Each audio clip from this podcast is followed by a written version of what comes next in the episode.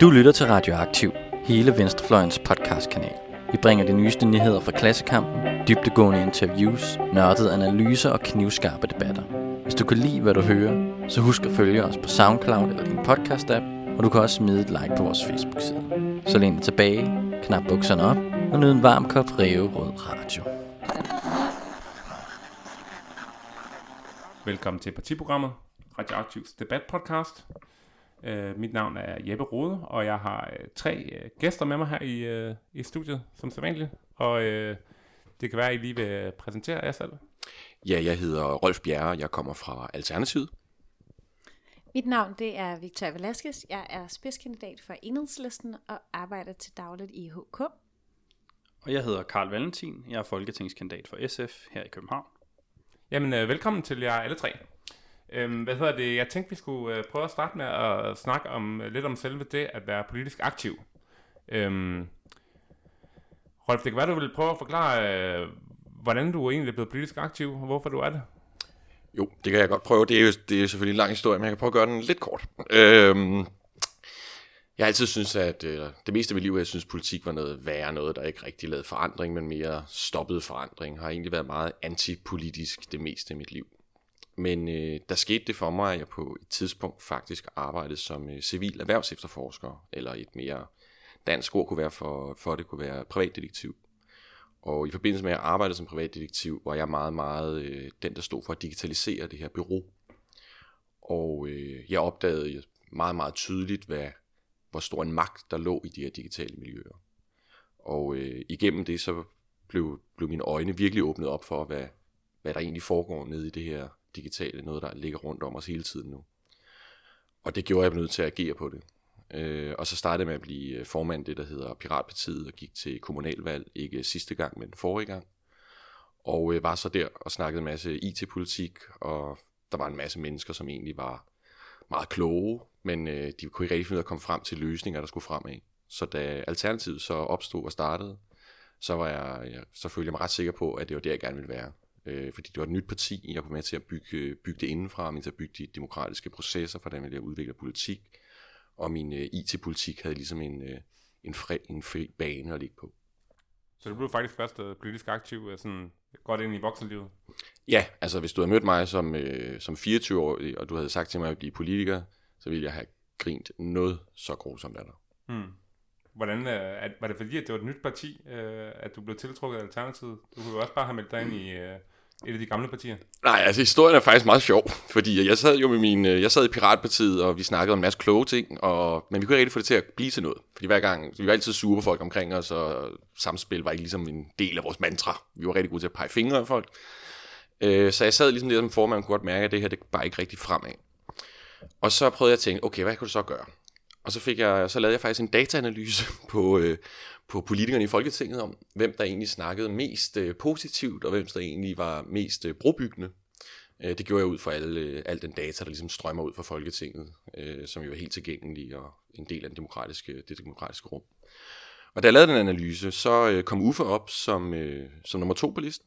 Og det var samtidig med, at han jo var i godt i vælten i med at være kulturminister og nepotisme og alt muligt andet. Og selvom han var inde i en permanent shitstorm, som han jo også er blevet øh, frikendt for efter, der, øh, der bongede han ud, og så tog jeg hen til Uffe, og jeg kunne også godt se i mine dataanalyser, at han var ved at blive øh, hvad jeg sige, marginaliseret i hans eget parti.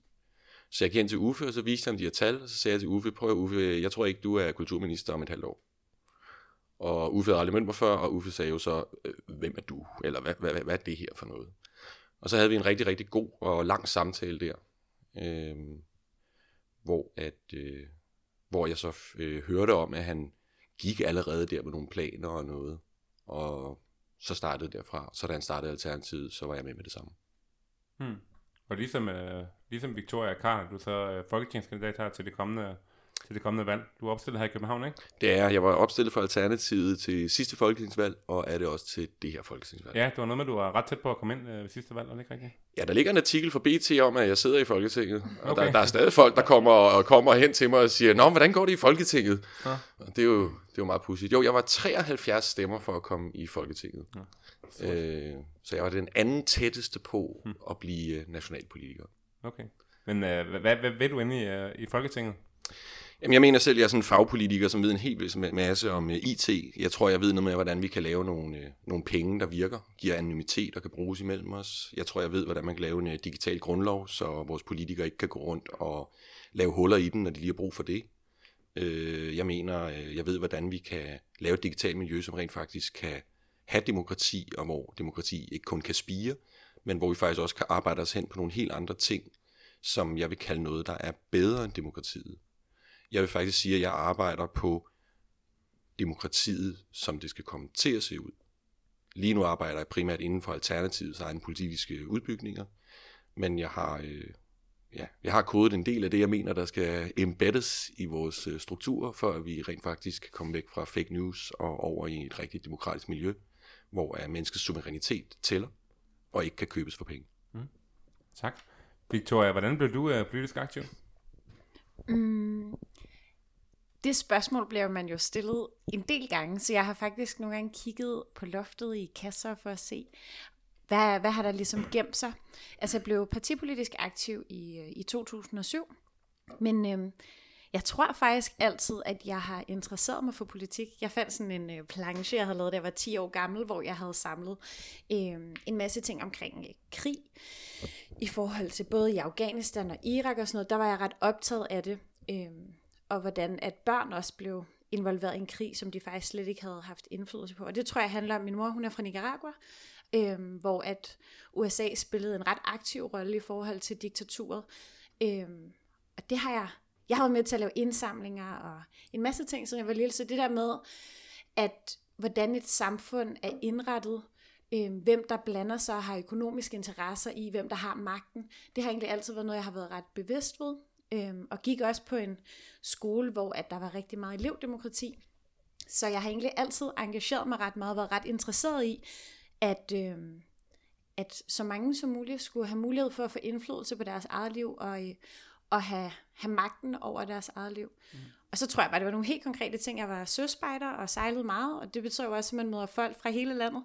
Og der øh, var det rigtig tydeligt at se, bare sådan noget konkret, som de muligheder, der er der, der er rigtig stor forskel. Og så var der en, jeg var søspejder med, som spurgte mig, om øh, hvad min holdning var til ungdomshusets rydning, og hvad min holdning var til alle mulige forskellige ting. Og så sagde hun, du skal være kontaktperson for SUF over. Og så var jeg sådan, hvad fanden er SUF? Men øh, det fandt jeg også ud af. Og det er så den uh, ungdomsorganisation, der, der samarbejder med, med Enhedslisten? Lige præcis. Og så ja. startede det så derfra i 2007, hvor vi lavede valgkamp for Enhedslisten. Mm. Mm. Hvad, du, øh, du står jo også der, øh, du er spidskandidat for Enhedslisten på Fyn til det kommende folketingsvalg, og hvad mindre der sker en total sammensmeltning af Enhedslisten, så du, kommer du også i Folketinget. Øh, hvad vil du derinde?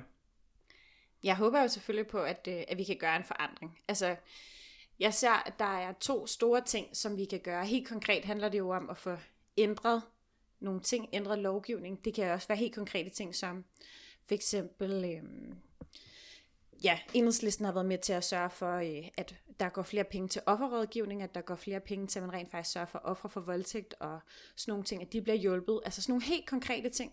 Men det handler også om at øh, give stemme til dem, som ikke har en stemme lige nu. Vi ser reformramte har rigtig svært ved at bryde muren. Det er så lykkedes i rigtig høj grad med næstehjælperne og jobcenternes ofre, fordi de er så mange, der står så meget sammen. Øh, men der ser det bare som en helt unik platform for at være med til at at give en stemme og skabe noget forandring sammen. Så begge dele, altså få konkret rykket ved nogle ting, men også at prøve at bruge det til at, at skabe noget bevægelse og få samlet nogle bevægelser, der kan gøre, at vi kan lave en grundlæggende forandring i vores samfund, øh, som er det, jeg i hvert fald går og arbejder for. Mm. Karl, hvordan øh, blev du politisk aktiv?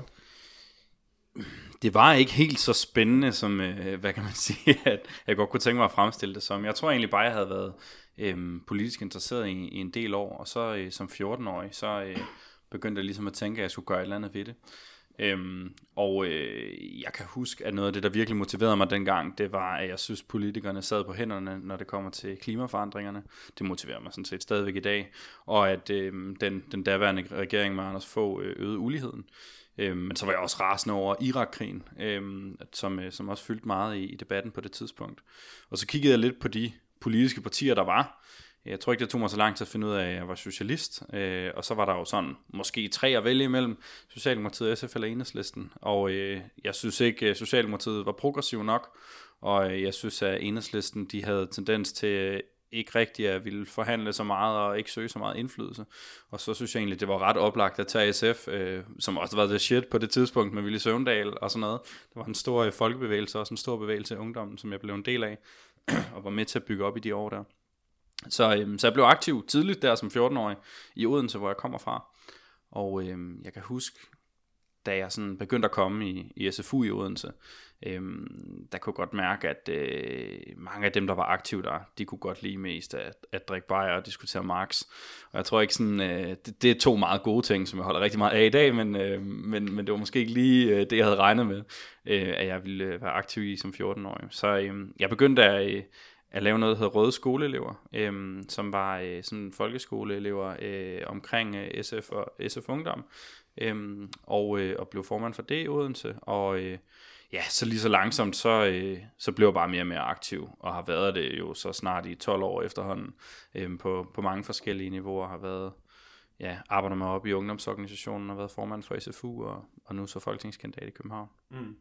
Ja, du er så, øh, hvad hedder det, nummer, nummer to i uh, SF i København efter Pia Olsen Dyr. Og Ja, lige præcis. Også gode chancer for at komme, Ja, komme ind. ja, det er sindssygt spændende at være i den uh, situation. Jeg stillede også op sidste gang, der stillede jeg op på Fyn, hvor, hvor jeg kommer fra. Ikke? Mm. Nu bor jeg herovre, så nu stiller jeg op her. Øhm, men uh, ja, det der med at kunne se, at det rent faktisk kan lade sig gøre, det er sgu ret motiverende. Det er godt nok en, en vild situation, så, uh, så jeg arbejder rigtig hårdt på det for tiden, og, mm. og tror på, at vi kan, vi kan få en ny regering, og der også er en chance for, at at jeg kan få lov at sidde i Folketinget. Ja. Hvad, hvad tænker du, at det kan gøre forskel, om, om du sidder derinde? Jamen, jeg, altså, noget af det, jeg virkelig savner i politik, det er, at vi får ideologi lidt mere tilbage. Øhm, og og jeg, for mig har det altid været centralt at, at få debatteret visioner og øh, ture øh, diskutere noget, der er lidt mere langsigtet. Øhm, og øh, og øh, jeg ønsker en, en grundlæggende anden og mere lige fordeling af midlerne. Jeg mener, vi skal have en fundamental omstilling af vores økonomi til at være mere bæredygtig. Og så synes jeg, at vi skal revolutionere vores velfærdssystem og fjerne brugerbetaling fuldstændig, øh, blandt andet på psykologhjælp og tandlægebehandling, som vi også snakkede lidt om i seneste Ja, ja, ja. program. Øhm, så, så jeg håber da, at øh, med mig i Folketinget, at, øh, at man kan få lidt mere fokus på de store visioner, og også få skabt nogle konkrete forandringer for folk, fordi det synes jeg, SF er garanten for. Jamen, hvis, øh, hvis Venstrefløjen får et, øh, får et fornuftigt valg, så kunne der være gode chancer for, at I alle tre øh, øh, mødes derinde øh, på Christiansborg i Det næste valgperiode. Det, Det ville være det kunne da fedt. være fedt. Ja, så optager vi radioaktivt derinde. Ja, Ja, det er klart.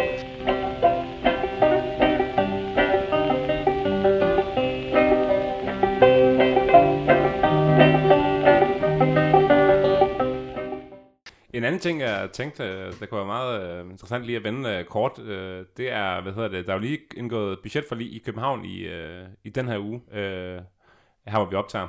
Og hvad hedder det, øh, der var det sådan, at SF gik med i øh, budgetforliget, mm. og Enhedslisten og Alternativet øh, øh, gik ud af forhandlingerne øh, i forbindelse med det her omstridte byggeri på, på Amagerfællet. Nu ved jeg godt, at øh, der er jo ikke nogen af jer, der er kommunal, kommunalpolitikere, øh, men øh, det kunne være spændende lige sådan at vende kort, øh, hvis, I, hvis I har nogen, øh, nogen holdning til det. Øh, hvad tænker du, Karl, om, sådan umiddelbart om, at øh, SF gik med i det her øh, forlig? Det synes jeg er godt. Øhm, og, og det synes jeg egentlig ud fra den betragtning, at øh, det havde set væsentligt dårligt ud, hvis vi ikke havde været der.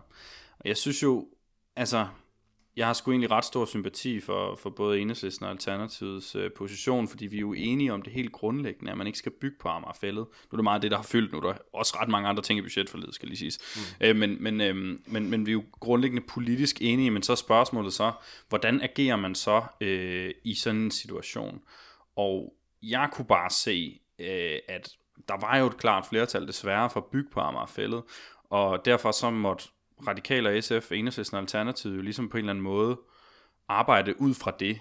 Og øh, ud fra den situation, så synes jeg, det giver mening, som SF har gjort, og som Radikale også har gjort, øh, så vidt muligt at forsøge at begrænse skaderne, øh, og få det bedst muligt ud af det, og være med til at påvirke aftalen. Og, øh, og det er jeg sådan set ret stolt af, at man har gjort, og, og det er jeg rigtig glad for, at, at, øh, at de politikere, jeg har stemt på, der sidder derinde, at de, øh, de ligesom har været med til at trække i den rigtige retning. Men jeg kan godt forstå, at man kan synes, det er for meget at melde sig ud af, også det, ud af forhandlingerne. Det synes jeg også er fair, det er en fair nok position. Mm. Men jeg synes, et af principperne må være, at hvis man lover noget, at så holder man det også. Og det var jo det, der skete før valget. Altså, vi var fire partier, der sagde, at vi ikke ville bygge på Amagerfællet. At vi skulle sørge for, at selvfølgelig, så vil vi gøre alt, hvad vi kan for at redde de områder, som er vigtige i vores natur. Det er den ene ting, hvor jeg synes, at det er... Altså, hvordan skal vi kunne samle en bevægelse, hvis ikke, at vi rent faktisk lover det, som vi har sagt til bevægelserne, vi gør. Det synes, altså, vi splitter bevægelsen, vi splitter den grønne bevægelse ved at gøre det her. Mm, og de fire partier var altså Alternativet, Enhedslisten, SF og Radikale Venstre. Ja, lige og de præcis. to sidstnævnte gik så med i forliget alligevel. Mm. Ja, og det synes jeg, det splitter bevægelsen. Og den anden ting, det er også, vi kan ikke med den ene, altså på den ene side sige, at vi vil have socialisme, at vi vil have demokrati, og alle de her enormt vigtige ting, at vi gerne vil hjælpe socialt udsatte, og så på samme tid bare købe nødvendighedens politik, som de kalder det. Vi bliver nødt til at vise, at man kan gå en anden vej. Øhm, og jeg vil have det svært ved at tage til demonstration 6. september, sammen med alle offentligt ansatte, alle folk, som knokler for, at vi skal bevare velfærden, og så stadig stemme for det budget, der gik igennem. Hvad siger du til det, Karl? Har SF øh, brudt deres løfter? Det mener jeg bestemt ikke. Jeg har i hvert fald ikke set SF øh, love, at man ikke vil gå med i et budgetforlig, hvis der bliver bygget på Amagerfællet. Men jeg har set SF love, at vi vil kæmpe alt, hvad man kan, for der ikke skulle bygges på Amagerfællet. Og jeg mener, det er det, man har gjort. Og der er forskellige måder at gå til den her øh, diskussion på, og jeg synes, det er fair nok, at man, at man ligesom tager det, den ultimative konsekvens og siger, vi vil ikke være med, hvis der bliver bygget. Det, det er cool nok med mig. Øhm, men jeg, jeg føler ikke, at SF har levet op til vores løfte om, at kæmpe alt, hvad vi kunne for fælleden, hvis vi havde stået udenfor. Jeg synes faktisk, vi har gjort det rigtige og trukket det i vores retning. Det er jo en sværere position, altså vi har. Det, det er jeg helt med på. Det er meget nemmere at blive beskyldt for ikke at være grøn, og folk de er sådan, ah, I vendekåber, og I bryder jeres løfter og sådan noget, øhm, når, man, når man går med. Men vi har valgt at gøre det, fordi det faktisk er vigtigt for os, at få det bedst mulige resultat. Og hvis SF ikke havde været med, så havde det været dårligere. Øh, og jeg tror, det havde været bedre, øh, et, et bedre resultat, hvis Alternativet Enhedslisten havde været med os. Øhm, men men, men det, er jo, det er jo deres valg. Altså, jeg har sgu ikke noget problem med at stille mig op og, og demonstrere mod, at der bliver bygget på Amagerfællet, også selvom SF har været med øh, i den her aftale, fordi jeg mener sådan set det samme, som jeg hele tiden har gjort. Jeg øh, synes bare øh, nogle gange, at det kan være nødvendigt at tage det pragmatisk øh, standpunkt, og så gå ind i en, i en forhandling. Og det gør SF jo også på Christiansborg. Men jeg tror egentlig, det, det er også en af de grundlæggende forskelle, der er på, på SF og Enhedslisten, og måske også Alternativet nogle gange. Mm. Det, Hvad ja. tænker du, uh, Rolf? Er du tilfreds med, at uh, Alternativet forlod forhandlingerne? Eller skulle de have blevet at kæmpe? Uh, jamen altså, vi rammer lige ned i en af dem, hvor jeg er en lille smule modsat end resten af Alternativet. Så det her må lige stå for helt egen regning, så. Mm. Øhm, på en eller anden måde, så synes jeg, at hele debatten om Amagerfællet er en forfejlet debat. Fordi vi forholder os jo mere til grønne frøer, når vi snakker om det her, end at der ligger hjemløse og dør på gaden i København. Og der har jeg et kæmpe problem. Jeg har også et kæmpe problem med, at vi går rundt og siger, at vi vil have en masse billige boliger, men der må bare ikke bygges på Amagerfældet. Altså, det, der er nogle helhedsbetragtninger, der er svære at putte ind i den her polariserede debat om ikke-bevarelse eller bevarelse. Så der vil jeg også godt rose SF igen faktisk at sige, at, øh, at der er nogen, der skal lirke det her op, der er nogen, der skal gøre et eller andet. Øh, men jeg kan også, også sige, at der er en masse SF'er, der var ude at sige noget, som de er løbet fra nu. Det er der, og det er jo, du nok ikke en af dem, det ved jeg ikke noget om. Men, men jeg vil godt give nogle point for at prøve at gå ind i en, i en, en uløselig konflikt. Point for det helt sikkert, og pragmatisme helt sikkert, og kæmpe for det grønne helt sikkert. Jeg synes bare nogle gange, at det kan være lidt kortsigtet, men det kan også være det der, det kan være forskel på at være revolutionær og reformist og sådan nogle ting, men jeg synes bare, det kan være lidt kortsigtet kun at se i forhold til det her konkrete budgetforlig. Fordi hvis vi rent faktisk vil have rykket nogle ting, hvis vi har folk til at tro på, at vi kan lave de bedste skoler, de bedste vilkår for vores børn, for vores ældre, sørge for noget reelt, når det kommer til hjemløse, så nytter det ikke noget at så sige, Nå, men vi kan trække aftalen lidt mere til venstre, eller den vil ikke være lige så dårlig. Fordi jeg tror, vi kommer til at splitte bevægelserne, jeg tror rent faktisk, at det gør, at folk bliver desillusioneret, og ikke kommer til at tro på, at det, at det rykker noget. Og så bliver jeg bare nødt til at sige noget i forhold til billige boliger. Jeg har i lang tid kæmpet for os, da jeg var studenterpolitisk aktiv, for at vi selvfølgelig skal have boliger til at betale.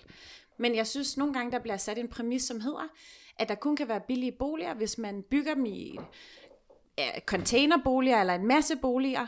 Altså, at det at få billige boliger betyder, at der skal være rigtig, rigtig, rigtig mange boliger. Nu øh, er jeg selv fra Sydhavn, bor på Vesterbro. Nummeringerne i vuggestuen i børnehaven bliver presset af, at vi bygger flere boliger, at der er rigtig mange, som får børn og alle de her ting, men at vi ikke rigtig ser på, skal der være nogle grønne områder, skal der være nok skoler, alle de her ting. Så jeg synes i stedet for, at vi skal se på, hvordan sørger vi for, at der er boliger til at betale, som ikke nødvendigvis bare betyder, at vi skal tage de grønne områder og så fylde dem med parkeringspladser og endnu flere boliger. Jamen, jeg, vil, også godt lige ret ind. Jeg mener også, at den her kamp om Amagerfæde lige nu er en kamp mod bunden, og derfor, hvis jeg kunne vælge, hvor Alternativet stod, så havde vi også forladt øh, forhandlingerne på det, på det grundlag. Okay. Det skal jeg lige rette ind. Ja. Og så er jeg helt enig i det, du siger her. Mm.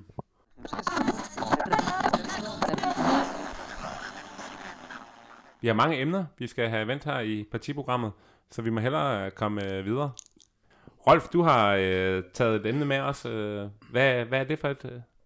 Jamen, jeg har taget øh, øh nationalisering, eller hvad det vil altså renationalisering var emnet, og jeg tror måske, vi prøver at brede det, brede det lidt mere ud end det. Øhm, og jeg, jeg har taget det med, fordi at øh, min kære formand øh, Uffe har jo lavet et skriv, der hedder Det Næste Danmark, hvor han stiller øh, kraftige spørgsmål til, øh, hvad der kan ejes, og hvem der kan eje hvad. Og, øh, og det synes jeg er ret interessant, altså hvem, hvem, hvem ejer statens øh, strukturer, hvem, hvem ejer det, vi snakker igennem, hvem ejer, øh, hvem ejer øh, hvad hedder det, det øh, intranet, du bruger på skolen, øh, hvem styrer ind de data, der kører ned i dem, øh, hvem ejer egentlig vores energiforsyning, øh, hvorfor har Hvorfor har Dong nu Ørsted øh, patent på at sælge og købe energi i Danmark? Øh, der er en masse, eller monopol er det jo, Hvorfor har vi en monopol på energisalg og køb i Danmark? Jeg tænker, det er kraftigt ødelæggende for decentral vækst i, på det grønne område, mm. fordi det simpelthen er ulovligt. Og nationalisering, det er jo så, når, når staten ligesom går ind øh, øh, og overtager øh, en eller anden øh, sektor eller et, Ja, for, mig, behø- for mig behøver det ikke være sådan øh, blod og krig, og så får vi det ligesom tilbage. Man kunne godt være noget med, at staten måske købte det tilbage over en årrække, eller jeg, jeg synes, jeg kan se mange modeller, som er mere fair, fordi at, øh, vi bliver også nødt til at kunne lave business i Danmark, og hvis vi gør ligesom nogle sydlige lande rundt omkring i verden, øh, eller nogle, øh, nogle andre lande rundt omkring i verden mere rigtig sagt, så, så risikerer vi også at lave et miljø, hvor folk ikke vil investere i Danmark på den helt store skala. Mm. Men vi, skal have, vi bliver simpelthen nødt til at have en stat, som kan tage, af, tage sig af sine borgere, og som kan løfte det ansvar, de har lovet borgerne ved den kontrakt, vi har underskrevet med dem, da vi blev født. Mm. Hvad, hvad er det så for nogle øh, sektorer, du mener, der bør være på fællesskabets hænder, som ikke er det i dag? Jeg mener, at vi, øh, jamen, vi kan starte, jeg arbejder meget med digitale, og grundlæggende så, så nede i det digitale miljø, der ved vi ikke, hvad der foregår. Vi har ikke muligheden for at eftertjekke, hvad der foregår. Øh, Folketingets øh, data er for eksempel ejet af en amerikansk fond. Øh, vi ved, at USA brugte de data til at øh, lukke COP15 ned, som øh, ellers så ud til at blive en succes. Der var lagt et rigtig godt forarbejde, og vi har beviser for, at øh, USA brugte den viden, de havde, for at vi ikke kunne få en klimaaftale i 15. Så vi har eksempler på, at vores demokrati er underløbet i nogle digitale strukturer. Vi har eksempler på, at øh, staten sælger en masse øh, seruminstitutter, blev solgt til en eller anden sheik, hvor det endte med at koste os x antal millioner at sælge det. Og nu kan vi ikke få det serum, vi har brug for til mange af de her ting, vi har kørende. Hvad fanden foregår der? Mm. Altså, hvorfor sælger vi ud af noget, som det ender med at koste os penge, og, altså, og, og så mister vi muligheden for at have det? Det er fuldstændig bullepyg. Der er et, øh, der er et sell-out i, fra det nationale miljø lige nu, som er så progressivt, at der nærmest ikke er noget tilbage, hvis du spørger mig. Mm. Nationaliseringer, det må jo lige være vand på møllen for sådan en socialist som dig, Karl. 100%, og øh, jeg er rigtig glad for, at du tager det op, Rolf, fordi det er, øh, det er som om, at al den tid, jeg har været aktiv i politik, der er det privatisering, der har været mantraet. Øh, det fyldte ekstremt meget nullerne under få, men det har jo sådan set også øh, fortsat efterfølgende, også når vi har haft centrum-venstre-regeringer, øh, har det været helt utænkeligt at nationalisere, men øh, mainstream at privatisere. Øhm, og, øh, og der er, der er mange øh, steder i vores samfund, hvor jeg sådan set ikke synes, det er nødvendigt, at det er underlagt markedsvilkår. Jeg tror, en af de mest sådan, kontroversielle, men som jeg altså grundlæggende mener bør være mere på fællesskabets hænder, det, det er banksektoren. Altså jeg synes, det er helt absurd, at vi har valgt at så stor en del af vores økonomi, som banker er, altså de håndterer jo basically alle vores penge, ikke? De fleste af os har penge i banker. Det kan være, Rolf, du har dine bitcoins, det ved jeg ikke, men ellers så... I madrassen, du. ja, i madrassen, god old school. Øhm, men, øhm, men altså, jeg synes, det er vildt, at så central en del af vores økonomi er fuldstændig underlagt øh, markedsvilkår, og man kan også se, at bankerne i ret vid udstrækning ikke håndterer det skide godt. Øh, nu kan man kigge på den hvidvaskningssag, vi har gang i med Danske Bank for tiden. 1000 milliarder! Det, øh, Ja, det er. What? det er rimelig alvorligt, øh, men jeg synes i hvert fald som minimum, at man bør oprette en samfundsbank, hvor at øh, almindelige mennesker kan have deres penge, uden at skulle frygte for, at de bliver brugt til at investere i klyngebomber, eller øh, ja, hvad de nu ellers kan finde på. Mm. Øhm, jeg, jeg tror, det er bedre at have banker, der har fællesskabets interesse end hurtig profit for øje. Det er helt sikkert. Det er jeg, det er jeg meget enig i. Jeg tænker, der er to ting derudover i det også. Det andet, der hvis vi rent faktisk gerne vil øh, have en eller anden demokratisk kontrol med, hvad er det, der bliver produceret, hvad er det, der bliver skabt. Lad os tage øh, infrastruktur som et eksempel. Hvis vi privatiserer DSB for eksempel, så har vi ikke samme mulighed for at bestemme, hvor skal der være tognet, hvordan, hvor ofte skal de køre, hvad for nogle vilkår skal det være til. Der er rigtig mange ting, hvor det kan være sværere øhm, at gå ind og få en indflydelse på det. Nu talte vi om klima lidt tidligere. Det kan jo netop være en beslutning, at vi faktisk gerne vil skabe en bedre infrastruktur, som en bevidst politisk beslutning om, at vi gerne vil aflaste motorvejene, så der ikke er så meget privatbilisme. Så derfor synes jeg, der er rigtig mange gode muligheder i at have både den demokratiske kontrol, fordi så er man også med til ligesom at lave udviklingen inden for de her sektorer. Men den anden ting er jo også, hvis vi ser på Grækenland, som er blevet presset til at privatisere rigtig mange ting, deres havn, øh, lufthavne, rigtig mange ting, de er blevet presset til at, øh, at skulle privatisere, så rammer det jo faktisk også staten i forhold til de overskud, man kan få, og de muligheder, man kan få for at investere i rigtig mange andre ting. Øh, vi kan jo se, hvorfor der er så mange, der er interesseret i at købe noget af det, der har været statsligt i Danmark. Vi så det også med Goldman Sachs, hvor de tjener kassen på at købe øh, noget, der før var på fællesskabets hænder. Og det synes jeg også er problematisk, at der skal være private aktører, der skal tjene så mange penge på vores sundhed, eller på nogle ting, som selvfølgelig burde være statens. Mm, men i enhedslisten er vi ikke afvisende over for, at der kan være mange forskellige former for ejerskab. Altså der er også nogle muligheder, hvor det kan være beboerdemokrati, eller at det kan være medarbejderdemokrati, forbrugerdemokrati. Altså der kan være mange forskellige former, så det er ikke fordi, at vi siger, at det skal være staten, men der er nogle ting, som for, for eksempel energi, hvor at, øh, jeg synes, det giver rigtig god mening, at det er staten, der kontrollerer det. Mm. Jamen det vil, det vil, fordi det, der, er jeg, der er jeg fuldstændig med på det her. Når jeg snakker om, at staten skal nationalisere, så snakker jeg egentlig også om, hvordan, altså skal vi, skal vi egentlig eje vores nationalbank? Øh, skal, skal vi nemlig, altså det er jo noget af det, man kan med de her digitale miljøer. Der kan, man, der kan man give ejerskab til en større ejerkreds meget, meget nemt og uden problemer. Man kan også give ejerskabet til en kode. Man kan også give ejerskabet til en algoritme.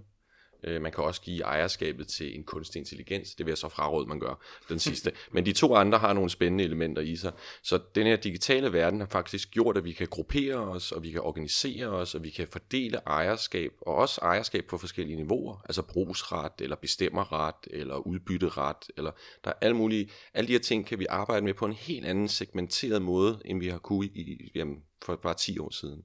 Og det åbner altså op for, at vi kan have en nationalisering, som er fuldstændig skarp ned til vores forståelse af vores øh, danske ånd, som jeg vil påstå er, er hviler på noget andelssamfund og en tanke om noget, noget sammenhold og noget samlekraft omkring nogle, nogle interesser, vi har til fælles. Jeg skal lige høre, altså hvad vil det sige at give ejerskabet til en kode, for eksempel? Det forstår jeg simpelthen ikke. Altså, øh, øh, hvordan kan man sige, øh, du kan lave en kode, som kan respondere på ting, du kan sige til den. Og så kan man sige, det du siger til den her kode, afføder jo så et resultat. Så hvis du siger, jeg har lyst til, at, at der skal bygges øh, ungdomsboliger øh, ude på Amagerfællet, så kunne øh, koden måske finde på at sige, jamen det er super fint, øh, hvis du lige finder øh, 20.000 mennesker, der skriver under på det her, øh, så har vi en politiker, der har lovet at tale om det, og øh, det er så den proces, vi sætter i gang, fordi du taler det ind her. Det er så en, det, her taler vi så om procesejerskab for, hvordan man kan få lavet forandringer, men vi kan også have en kode, som, øh, hvor det er helt åbent i kodens kildekode, så alle kan se, hvad der foregår, lave en fordelingspolitik. Altså vi kunne lave et det skattevæsen, der fungerede, øh, uden der var nogen mennesker, der skulle sidde og røre ved det. Øh, lige snart mennesker rører ved det, så begynder der at være sådan et element af korruption og andre spændende ting. Vi kunne simpelthen fjerne de her mennesker, og så kunne vi lægge hele skattevæsenet i clear code. Alle kunne se, hvordan vores skattevæsen fungerede, og alting var fuldautomatisk. På den måde, så, øh, så slipper vi for menneskets øh, negative elementer i nogle af de her magtrum. Fordi øh, der forsvinder rigtig, rigtig mange penge fra skat, og det eroderer Ikke kun tilliden til, til vores politikere, det eroderer simpelthen også vores land helt fysisk, fordi vi ikke har penge til alt det gode, vi gerne vil. Jeg tænker, man skal mm, gøre sådan nogle overvejelser i forhold til at lave automatiseringer. Øhm, på rigtig mange måder kan vi se, at mennesker ikke er en forstyrrelse, men faktisk kan være en løsning.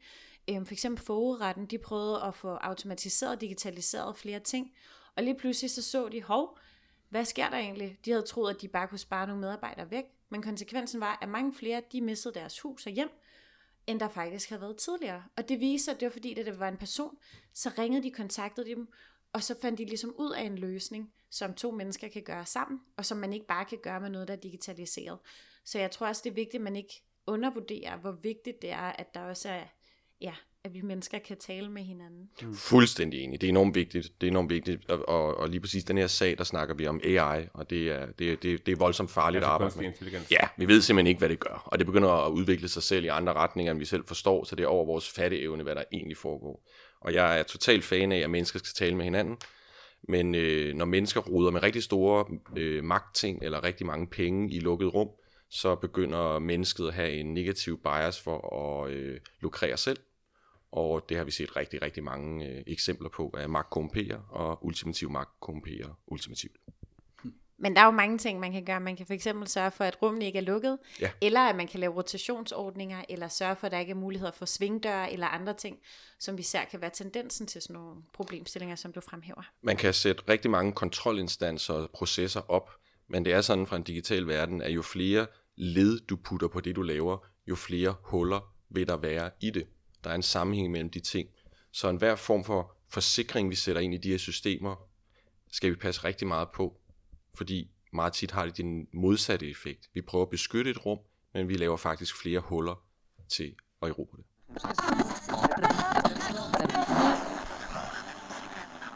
Vi skal til at videre til næste emne, og øh, du har taget øh, noget med, Victoria. Jeg øh, har været ude og gå dør til dør, og øh, her på det seneste, så øh, har rigtig mange af dem, som jeg har været i dialog med, faktisk taget det her med statsborgerskab op. Og hvor vi har haft nogle rigtig gode samtaler omkring, hvad vil det egentlig sige at være en del af det danske samfund? Hvad vil det sige at være dansker? Og øh, der synes jeg, der er nogle ret spændende ting i forhold til muligheden for at kunne få statsborgerskab. Der er rigtig mange, som faktisk har boet i lang tid i Danmark og betalt skat i mange år, men som stadig ikke har mulighed for at, øh, at få dansk statsborgerskab. Vi er begyndt at lave øh, forskellige, eller ikke vi, men øh, partier i Folketinget laver forskellige konstellationer, som skal gøre, at flygtningen ikke skal kunne integrere sig for at kunne komme hurtigst muligt hjem og sådan nogle ting. Og jeg er bare bekymret for de konsekvenser, det kan have. Øh, vi kan ikke vide, hvor lang tid krige varer, og når vi sætter en stopper for, at man for eksempel kan tage videregående uddannelse eller nogle af de her ting, så er det, jeg bliver, øh, at jeg bliver bekymret for øh, konsekvenserne af det. Jamen, Den bekymring deler jeg helt klart. Øhm, jeg, jeg er særligt bekymret for øh, det, som Dansk Folkeparti kalder et paradigmeskift i udlændingepolitikken, øh, som, som lige så stille virker til at være på vej, hvor man går mere i retning af, at øh, folk slet ikke skal integreres, men bare skal være her, øh, udelukkende med henblik på på et eller andet tidspunkt at kunne komme øh, hjem eller tilbage, hvor de kommer fra. Øhm, øh, ja, og så helt væk fra, det, fra integration. Og jeg synes jo i virkeligheden, hvis man skal sige noget som helst pænt om Dansk Folkeparti, så synes jeg, at de for en hel del år siden rimelig tidligt har haft øjnene op for, at vi havde nogle integrationsproblemer. Øh, og det synes jeg er rigtigt. Øhm, men så er det jo fuldstændig absurd, at vi er ved at ende i en situation nu, hvor at øh, dansk, ja, øh, rigtig mange i dansk politik med Dansk Folkeparti i spidsen øh, modarbejder integration. Fordi jeg mener jo sådan set, det mest centrale, det er, at vi sikrer en politik, hvor at folk, der kommer hertil, hurtigst muligt kan blive en del af det danske fællesskab, kan dyrke idrætsaktiviteter, fritidsaktiviteter sammen med øh, andre danskere, kan blive en del af arbejdsmarkedet og sådan noget. Øhm, så, så jeg er meget bekymret for, hvis man går i en retning, hvor man vil ekskludere folk fra samfundet lige fra starten. Det tror jeg kun øh, kommer til at betyde mere radikalisering, dårligere integration øh, og, og mere splittelse i befolkningen. Jamen, jeg er fuldstændig enig. Vi skal, vi skal væk fra det her assimilation og over til integration. Og øh, hver gang der kommer nogen ind i Danmark, så er de en værdi for Danmark, vi skal finde ud af at bruge til noget. Øh, gør vi ikke det, skyder vi os selv i foden. Øh, det er min holdning. Øh, jeg er faktisk øh, det, der hedder et, est, estlandsk e-borger. Jeg er faktisk okay. meldt ind i Estlands øh, nationalforsamling, forstået på den måde, at jeg er borger i øh, Estland i deres øh, e-system. Estland har lavet det sådan, at alle verdens borgere kan blive etnisk, esti, jeg kan ikke sige det ord der, estlandsk, est, estnisk borger. Øhm, og de har jo lagt en øh, måde, hvordan man afrapporterer sin skat øh, helt tydeligt frem, og det kan, hele kan lade sig gøre. De har et øh, skattesystem, der ikke huller i. De har øh, clear code til, hvordan det bliver eksekveret, og det kører egentlig bare. Der ligger en masse infrastruktur for, hvordan du opretter en virksomhed, hvordan du får hjælp til dit og du og dat. Og øh, det kører meget, meget bedre end det danske system. Hvorfor er du blevet medlem af det estiske system? Det forstår jeg ikke. Jamen, jeg har grundlæggende meldt mig ind i alle de her systemer. Der er også noget, der hedder BitNation, som også arbejder med det, som ikke er fastnet på et land, øh, men som nogle af mine kollegaer fra Piratpartiet har lavet i sin tid. Øh, så det, jeg prøver at sige med det her, det er, at vores øh, statsborgerskab er jo, er jo på mange måder ved at ændre form. Jeg mener ikke, det er ved at forsvinde, men vi er jo ikke i Danmark, når vi går på nettet. Du er jo på en tysk server. Du er jo på en israelsk server. Så det her med, at vi har lavet de her hegn rundt om Danmark, samtidig med, at når vi går på internettet, så flyver vi rundt i verden. Det, det tror jeg ikke, vi tænker over, hvilken betydning det har, men det betyder faktisk, at nationalstatens rammer fra et digitalt synspunkt simpelthen ikke findes. Hvad får du ud af at blive e-borger i Estland? Du har vel ikke ret til øh, velfærdsydelser eller noget andet i den stil? Nej, jeg får grundlæggende adgang til deres infrastruktur, og, men jeg har også fået hjælp til øh, noget erhverv. Øh, men grundlæggende adgang til infrastruktur, for mig er det jo også mest at lege med det. Men de, de er langt fremme, og jeg vil godt følge med på det bid af, hvad der sker. Jeg mener, at vi i Danmark skal, skal prøve at hvad man sige, åbne op for innovation, og åbne op for, at innovation ikke behøver at foregå i Danmark, for det er fedt for os.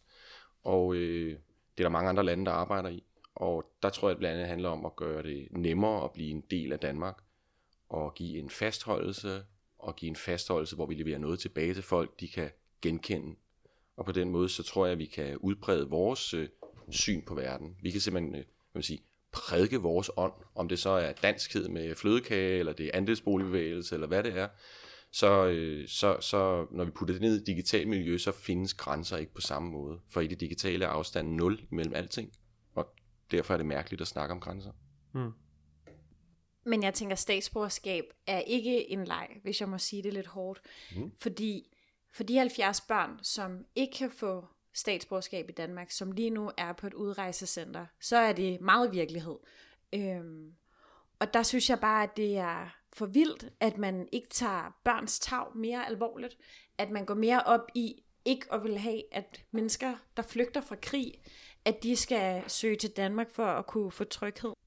Altså jeg synes, hvis et barn vokser op i Danmark i sin formative år, så skal det kunne have dansk statsborgerskab. Altså det synes jeg det må da være en af vores vigtigste opgaver, at kunne sørge for, at børn, der vokser op i Danmark, også har mulighed for at kunne blive en del af samfundet, har mulighed for at kunne tage med på studietur sammen med sine andre klassekammerater. Rigtig mange af de ting, hvor der kan man ikke være med på samme måde, hvis man ikke har det der rubidefarvede øh, pas.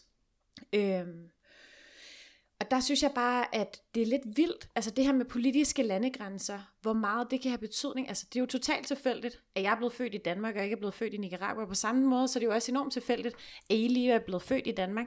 Men det er jo på samme måde også ret tilfældigt, og er sindssygt uheldigt med de mennesker, der flygter fra krig. Og der synes jeg bare, at vi skylder hinanden at prøve at finde en, øh, en løsning, både helt konkret, om vi så siger, at vi tager 2.000 kvoteflygtninge eller et eller andet, at vi siger noget, vi tager ansvar, og vi gør noget, og vi også både internationalt prøver øh, at finde nogle løsninger. Helt konkret det, at det for eksempel er lukket i et udvalg på Christiansborg, at vi ikke ved, hvad der kan gøre, at folk de bliver afvist for eksempel, eller får afslået deres øh, ansøgning om statsborgerskab, at det kan være politisk. Nye borgerlige har jo sagt, vi vil ikke give statsborgerskab til folk, der er muslimer.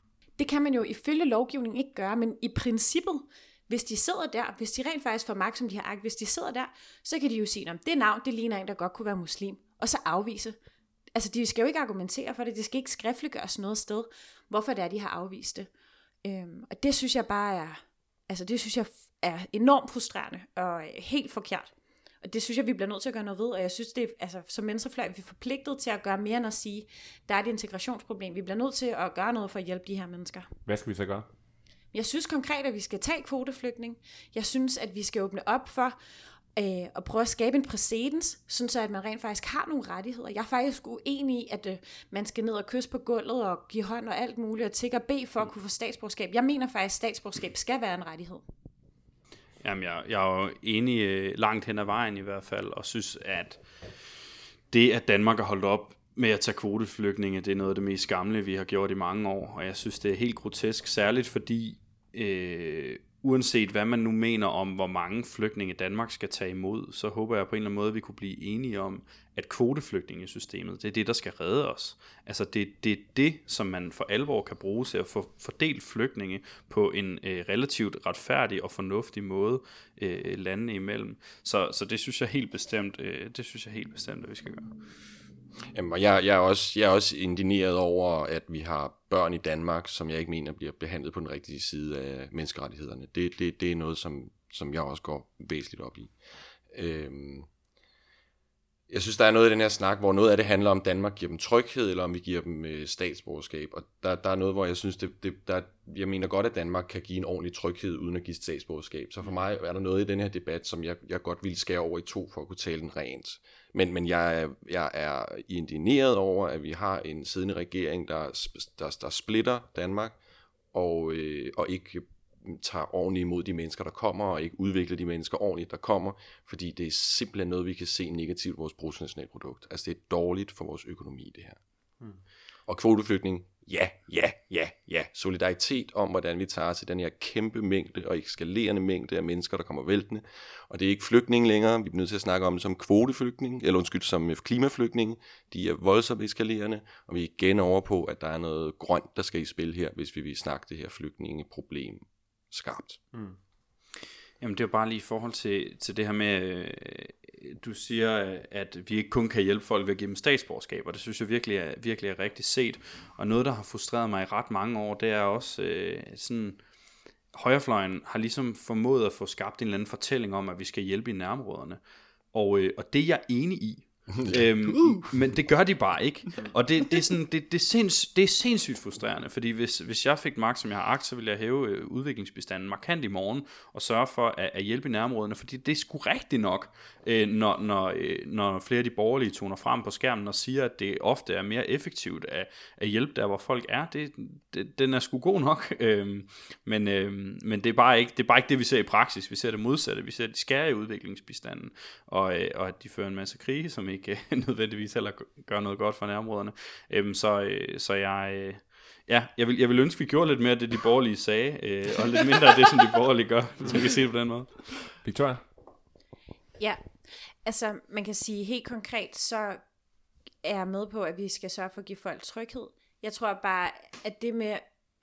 Vi bliver nødt til også at se, at det med at være en statsborger, det også giver nogle rettigheder, hvis vi gerne vil have, at folk skal være integreret, hvis vi gerne vil have, at folk skal føle sig som en del af samfundet, så er det også det at kunne være med til at stemme til valg. Der er så mange rettigheder, altså som man, øh, som man mister, og som rigtig mange af de her mennesker, som er på flugt, altså rigtig mange af dem er jo nærmest retsløse, hvis man kan sige det på den måde. Mm. Øh, I forhold til at hjælpe i nærområderne, så tænker jeg også, og det er også med jer to, som er i partier, som øh, er øh, EU-entusiaster, øh, rent faktisk stille nogle krav, for eksempel til Erdogan, når man, når man har givet penge, så har man ikke stillet krav til, hvad de skulle bruges. Altså man gør alt for at holde flygtningen ude af EU, selvom at det på lang sigt sikkert kommer til at skabe mange mere konflikter. Vi så også i Afrin, hvad for nogle konsekvenser det er, regimet kan have. Øhm, og der tænker jeg også, ikke bare øh, fra et dansk perspektiv, men også internationalt, der bliver vi nødt til at stille krav til det, vi ser, der langsigtet hjælper.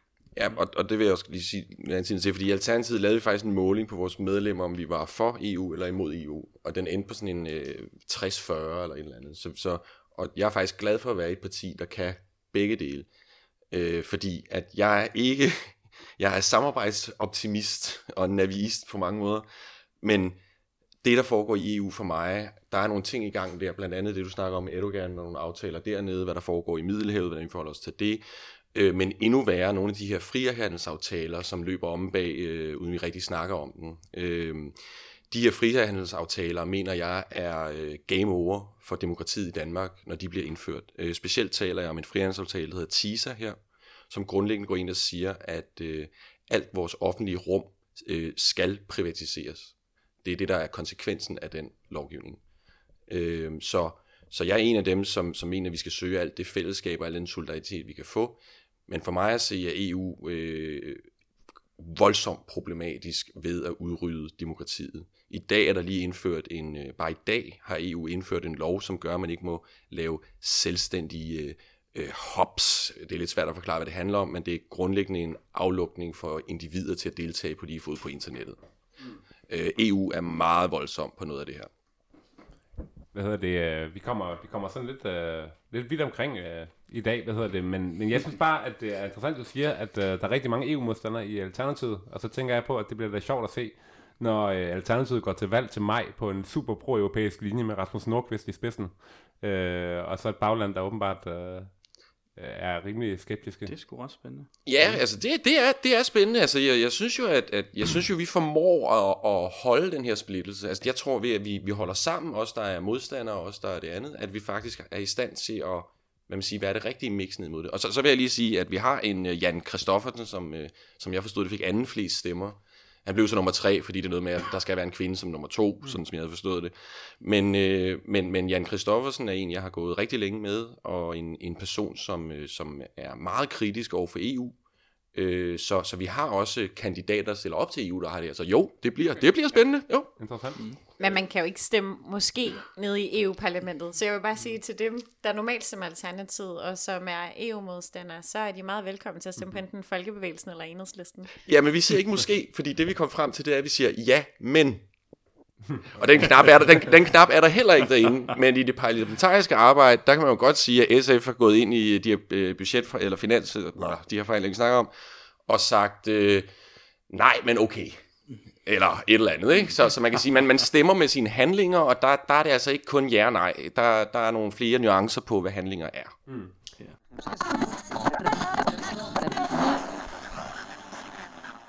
Vi bliver øh, nødt til at komme videre til uh, næste emne nu. Og det er noget, som du har taget med, Karl. Helt sikkert. Jamen, jeg synes, det kunne være meget fedt at snakke lidt amerikansk politik, og det er jo selvfølgelig rimelig bredt, men det er fordi, det har optaget mig i, i en del år. Jeg var øh, i forbindelse med, med det seneste præsidentvalg også rejseleder på en studietur derover for at følge den, den amerikanske valgkamp og sådan noget. Øhm, og, øh, og hvad kan man sige... Der er mange ting, man kunne tage fat i, men jeg kunne egentlig godt bare sådan grundlæggende tænke mig at høre jeres tanker lidt om, hvad fanden I ville gøre, hvis, hvis I boede i USA, og hvad I tænker om hele den situation, der er lige nu, fordi det er jo rimelig absurd øh, med, med Donald Trump som præsident, men også med nogle af de sådan helt grundlæggende ting ved det amerikanske system, et topartisystem, hvor øh, man ja, øh, for mange så vedkommende nok vil føle, at man skal vælge mellem to under, eller sådan, hvad, øh, hvad er jeres tanker om nogle af de ting? Og det vil jeg også gerne tilsvare det på, men nu vil jeg bare gerne lige høre jer først. Mm. Jamen, for mig at se, er der ikke demokrati i USA. Altså, det er der simpelthen ikke. Det, for mig at se, der er det noget andet, der kører det over. Og, og det er endda bare med de åbne kommunikationer, man kan få fat i. Øhm, jeg har været, øh, jeg var meget aktiv i den bevægelse, der hedder øh, Anonymous, dengang den startede op. Og den havde rigtig mange tråde til USA, fordi IT var relativt ny derovre. Og det er nogle øh, kontaktlinjer, jeg holder, holder åbne og holder fast i, og på den måde har jeg meget et, et andet indsigt i USA også end mange andre. Og øh, for mig at se, at det, altså, det er fail state, der vil noget. Der er Så ikke, hvad er det, du øh, mener, der gør, at det ikke er demokratisk? øh, det er økonomi, der styrer, hvad der foregår. Det er økonomiske interesser, der styrer, hvad der foregår, og øh, selv en øh, præsident som Obama øh, er blevet tvunget i, bag, i, i knæ af, af Goldman Sachs blandt andet, og andre institutioner, øh, da økonomien lige pludselig var til, at de kunne få lov at bestemme igen. Mm. Øh, der, er- der er masser af beviser på demokratiske beslutninger, der har været øh, presset til en side af økonomi. Øh, og de, der er kun blevet failure af dem, efter at Trump er kommet til. Mm. Og så skal man jo også gerne have hundredvis af millioner af kroner i, i ryggen for overhovedet at, at kunne føre en valgkamp. Jo, altså de regner det ud i kroner, de regner det ikke ud i stemmer derovre. Mm. Det er jo simpelthen, du skal have så mange penge, så kan du blive præsident, du skal have så mange penge, så kan du få en kongressplads. Altså der er en pris på, der er en pris på, på den placering, vi sidder og kæmper demokratisk om her i nationalforsamlingen. Altså, selvom ikke mere end meget demokrati tilbage i Danmark, så har vi måske et af de bedste i verden stadigvæk. Mm. Altså. Derfor synes jeg også, det er virkelig spændende at se, hvad der faktisk sker lige nu, med nogle af dem, som jo har vendt ryggen til at få kæmpe donationer fra virksomheder eller fra rigmænd og sådan nogle ting. Altså for eksempel det med Alexandria Ocasio, andre som kommer fra det latinamerikanske kvarter, eller ja, generelt mange af dem, som vi ser, der har en græsrodsbevægelse i ryggen mm. og kører en organiserende tilgang til det her, som jo er blevet valgt. Nu må vi jo se, om nogle af dem formår at vælte nogle af de demokrater af pinden, som jo... Men var det, hun blev valgt som senator eller noget i New York? Eller? I New York, ja, Ja. Det, er, det er ret vildt. Altså, jeg synes bare, det er sindssygt spændende. Altså, mm. så hvis jeg var i USA lige nu, så ville jeg da helt klart join nogle af de bevægelser, der er. Nu må vi jo se, om de rent faktisk formår os nogle af de andre kandidater, der er stillet op og vinde. Men det, det, det synes jeg kan give noget håb. Ja, vi så også i sidste valgkamp, hvordan øh, Bernie Sanders faktisk var, altså var lige pludselig, altså øh, var i nærheden af at kunne blive mm. præsident i USA. Det var jeg øh, virkelig, virkelig overrasket over. Han var netop øh, et eksempel på en kandidat, der ikke havde alle mulige store corporations i ryggen og sådan noget, men, men som faktisk øh, lavede en meget, meget øh, effektiv kampagne med øh, mikrodonationer og sådan nogle ting. Nu ved jeg, at du var i, øh, hvad hedder det, i USA, øh, mm. Karl, øh, i forbindelse med sidste præsidentvalgkamp for at kigge på noget øh, organizing og sådan noget. Ja. Øh, kan du fortælle, hvad du, øh, hvad du lærte af det? Ja, helt sikkert. Altså, øhm, men jeg kunne jo godt se efterdønningerne fra øh, den store Bernie-bevægelse. Han var ligesom ude af gamet, da, da jeg kom derover, men der var altså, og er nogle ret stærke progressive bevægelser i gang i USA, som Bernie sådan set stadigvæk er med til at lede. Øhm, nogle af dem, vi besøgte, var øh, Fight for 15, øh, som øh, kæmper for en 15 dollars minimumsløn. Og øh, det er øh, det er et ekstremt synspunkt i USA, altså fordi øh, minimumslønnen ligger på lidt over 7 dollars, så det er alligevel en fordobling. Øhm, og øh, det er fastfood medarbejdere, der har startet den der bevægelse, som lige så langsomt er ved at udvikle sig til en form for fagforening, der kæmper for flere forskellige ting. Og der er med med nogle mennesker, der rejser sig der og, øh, og siger fra over for øh, det politiske system og det etablerede establishment og, øh, og ønsker nogle grundlæggende forandringer. Øhm, det, det er en folkebevægelse, der, der har inspireret mig rigtig meget, men det er også meget interessant at se, hvad der sker med øh, Black Lives Matter, med øh, den store bevægelse øh, øh, mod øh, gun violence og sådan noget, der, der kører nu her også, hvor det særligt er ungdommen, der er ledende. Øh, der er en ret stor generationskløft på holdningen til, til våben og sådan noget i USA også, hvor, jeg, hvor man kan se, at det går den rigtige vej med et dansk øh, perspektiv i hvert fald. Mm. Øhm, så, øh, så der er nogle rigtig interessante bevægelser i gang, og jeg er meget spændt på, hvad der kommer til at ske ved, ved næste præsidentvalg, og kan nærmest ikke forestille mig en situation, hvor at vi går ind i en præsidentvalgkamp, uden at, øhm, at der i hvert fald i primærvalget er en ret seriøs, progressiv, venstreorienteret kandidat. Øh, om det så er, er Bernie igen, eller om det er Elizabeth Warren, eller om det er en helt tredje, det, det må vi se, men, mm. men øh, jeg tror i hvert fald, at der øh, til trods for, at man kan blive lidt deprimeret, når man kigger på, hvordan det hele ser ud lige nu, så, så er det også mit indtryk, at der blæser nogle forandringsvinde for tiden, øh, som, som jeg synes er enormt inspirerende. Og jeg tror også, det er de bevægelser, jeg vil være en del af, hvis det var mig. Altså, jeg havde helt, eller hvis jeg var derovre, jeg havde helt sikkert støttet Bernies kampagne, men har generelt meget svært ved at se mig selv i det demokratiske parti, for eksempel, som er meget langt fra, hvor jeg står som socialist. Hmm, men, men der er jo ligesom kun umiddelbart de to partier vælger man i forhold til øh, præsidentposten for eksempel. Mm. Øh, hvordan vil du øh, takle det? Vil du så bare sige, så vil jeg ikke, så vil jeg ikke stemme eller være aktiv i, altså, i politik på den måde? Eller? I sidste ende vil jeg nok gå ind og stemme, hvis jeg synes, der var en god nok kandidat, vil jeg nok gå ind og stemme på, mm. på vedkommende, selvom vedkommende var fra, fra det demokratiske parti. Men det var nok ikke der, jeg ville lægge al min energi, fordi udover at jeg mener, at USA skal have en, en helt fundamentalt mere venstreorienteret politik, så mener jeg også, at de skal have et andet politisk system, hvor der er mere plads til forskellige holdninger, hvor man ikke skal øh, ind og, og konkurrere så meget medianvælgeren, bare for at kunne være kandidat for et parti, øh, mm. sådan som, som det er tilfældet nu. Ikke? Øhm, men, men jeg tror, altså, jamen, al den tid, jeg har fulgt amerikansk politik, der har der ikke været nogen præsidentkandidater, der har øh, inspireret mig øh, sådan for alvor. Øh, Obama måske lidt i starten, men, men det var bare sådan mest det virkede som om han var meget cool, og så, mm. ja, så faldt det lidt af med tiden, men, mm. men, øhm, men, men, men der er ingen, der har gjort det, som Bernie har gjort det, i hvert fald for mig. Han var jeg super inspireret af, også meget tidligt var så heldig, at jeg ligesom har opdaget ham også lidt før han blev cool, så, så jeg fik ligesom mulighed for sådan at studere hans kampagne i lang tid, og synes, det har været enormt inspirerende, særligt hvordan at han bare meget, øh, meget stålfast fastholder sin position øh, som, som, øh, som socialist, og i virkeligheden på en eller anden måde har formået at stå for de samme ting i, øh, i årtier, sige det samme. Man ser de her gamle klip med ham, hvor han mener det samme, som han gør i dag, men på en eller anden måde har han ligesom fået folket med nu, og det, det er bare sindssygt, sindssygt interessant at se. Mm. Han, han holder fast på de ting, der er vigtige også. Det, med fordelingspolitik og sådan noget, det synes jeg er meget inspirerende. Og der er det jo også netop spændende at se det samspil, som der er imellem bevægelserne, og så også når det er, at, at øh, politikerne de øh, kører deres kampagne, og det er jo kun til at blive inspireret af også for os som kandidater.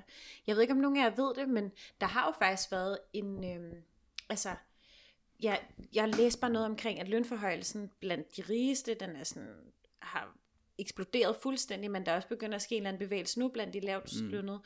Og der er vel også flere steder, hvor man har fået det her igennem, ja. med at skulle have den her minimumsløn. Jeg ved ikke, om det er det, der gør, at man kan se det, når man kigger på lønningerne i hele landet, men det er jo også bare for vildt. Altså den power, man også får af rent faktisk at få det igennem, og som du selv siger, det kan godt virke som et radikalt krav at fordoble sin minimumsløn. Mm. Jamen, nu har vi talt lidt om minimumsløn, og det, det er en af de her steder, hvor at, jeg tror, man skal tænke rigtig meget over, hvad det er for en effekt, det skaber at lave en høj minimumsløn i et land.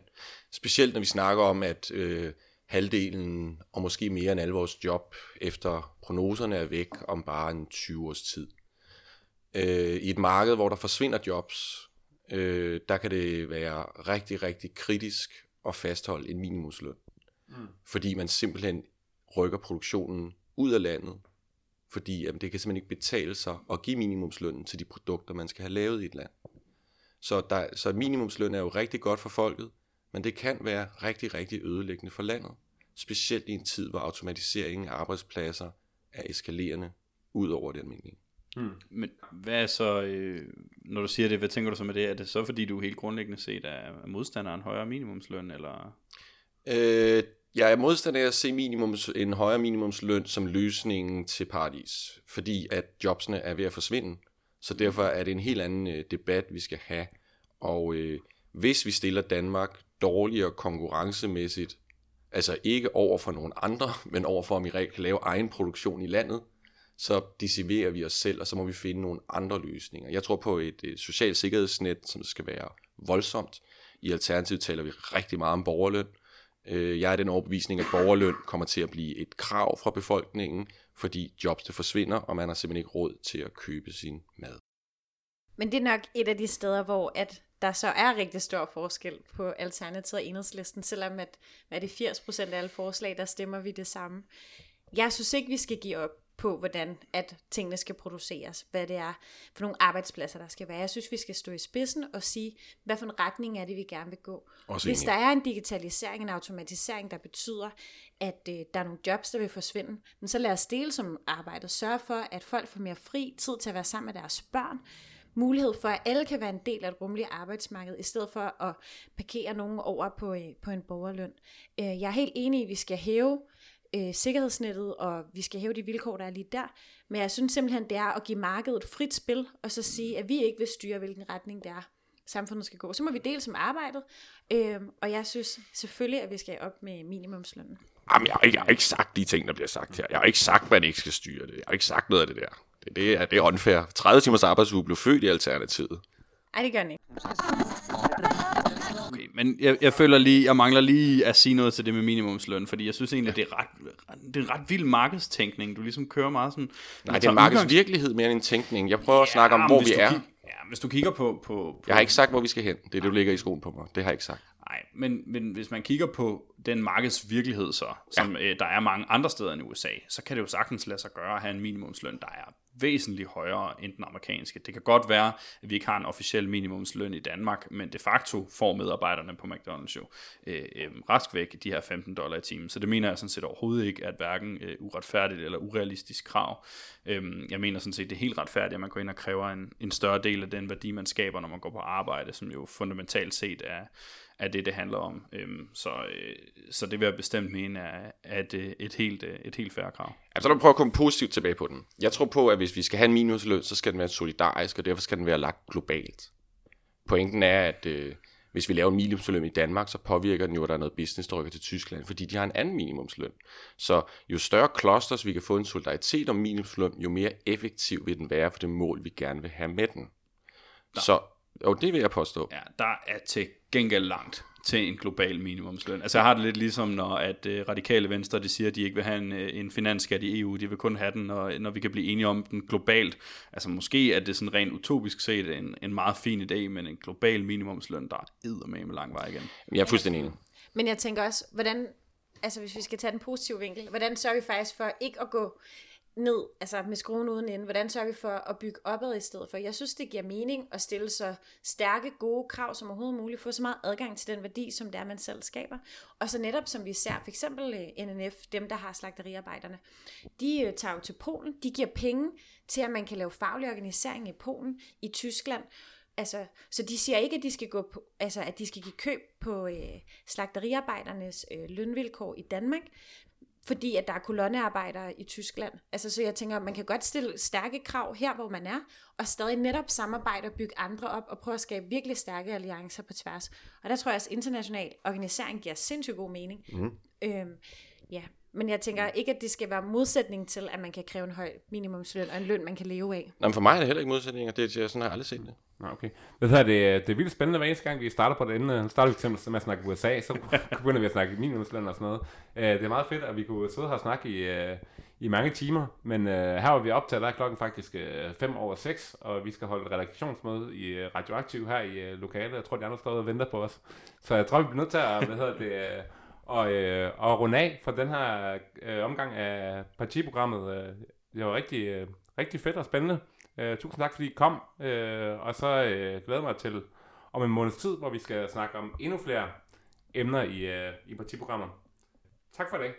Tak. Selv tak.